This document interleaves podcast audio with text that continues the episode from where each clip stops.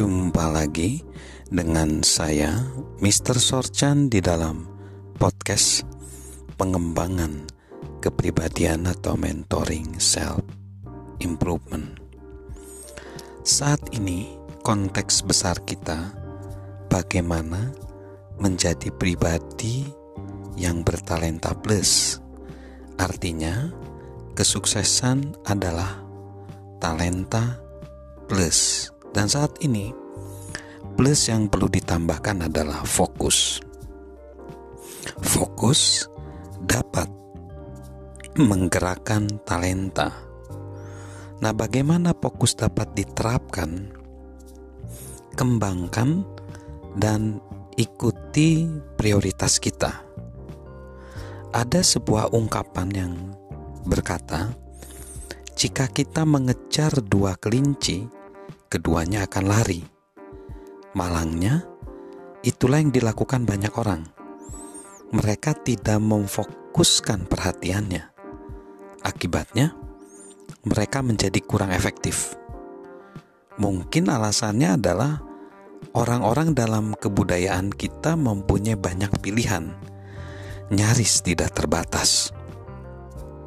Ahli manajemen Peter Drucker mengakui fenomena ini. Ia berkata, konsentrasi adalah kunci meraih hasil ekonomis. Saat ini, tidak ada prinsip efektivitas yang dilanggar terus-menerus selain prinsip dasar konsentrasi.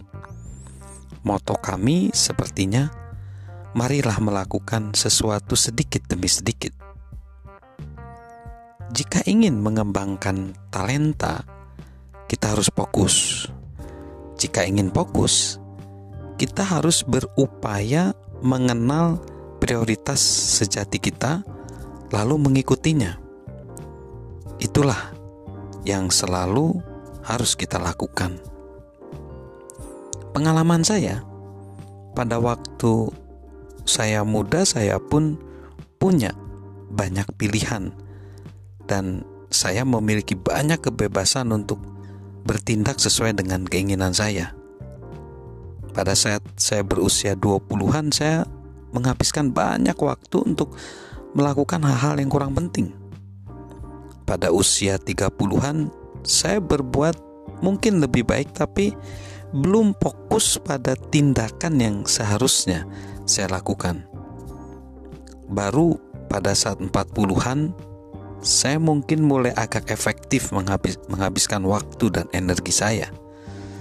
Dan kini saat, saya menginjak usia 50-an, saya coba menyaring mana prioritas utama saya.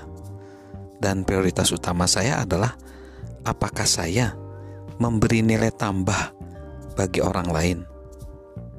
Bagi saya, apa pun yang saya lakukan semuanya bermuara pada hal itu, yaitu apakah saya memberi nilai tambah pada sesama saya. So, mari kita menambahkan fokus pada talenta kita dengan cara mengembangkan dan mengikuti prioritas kita.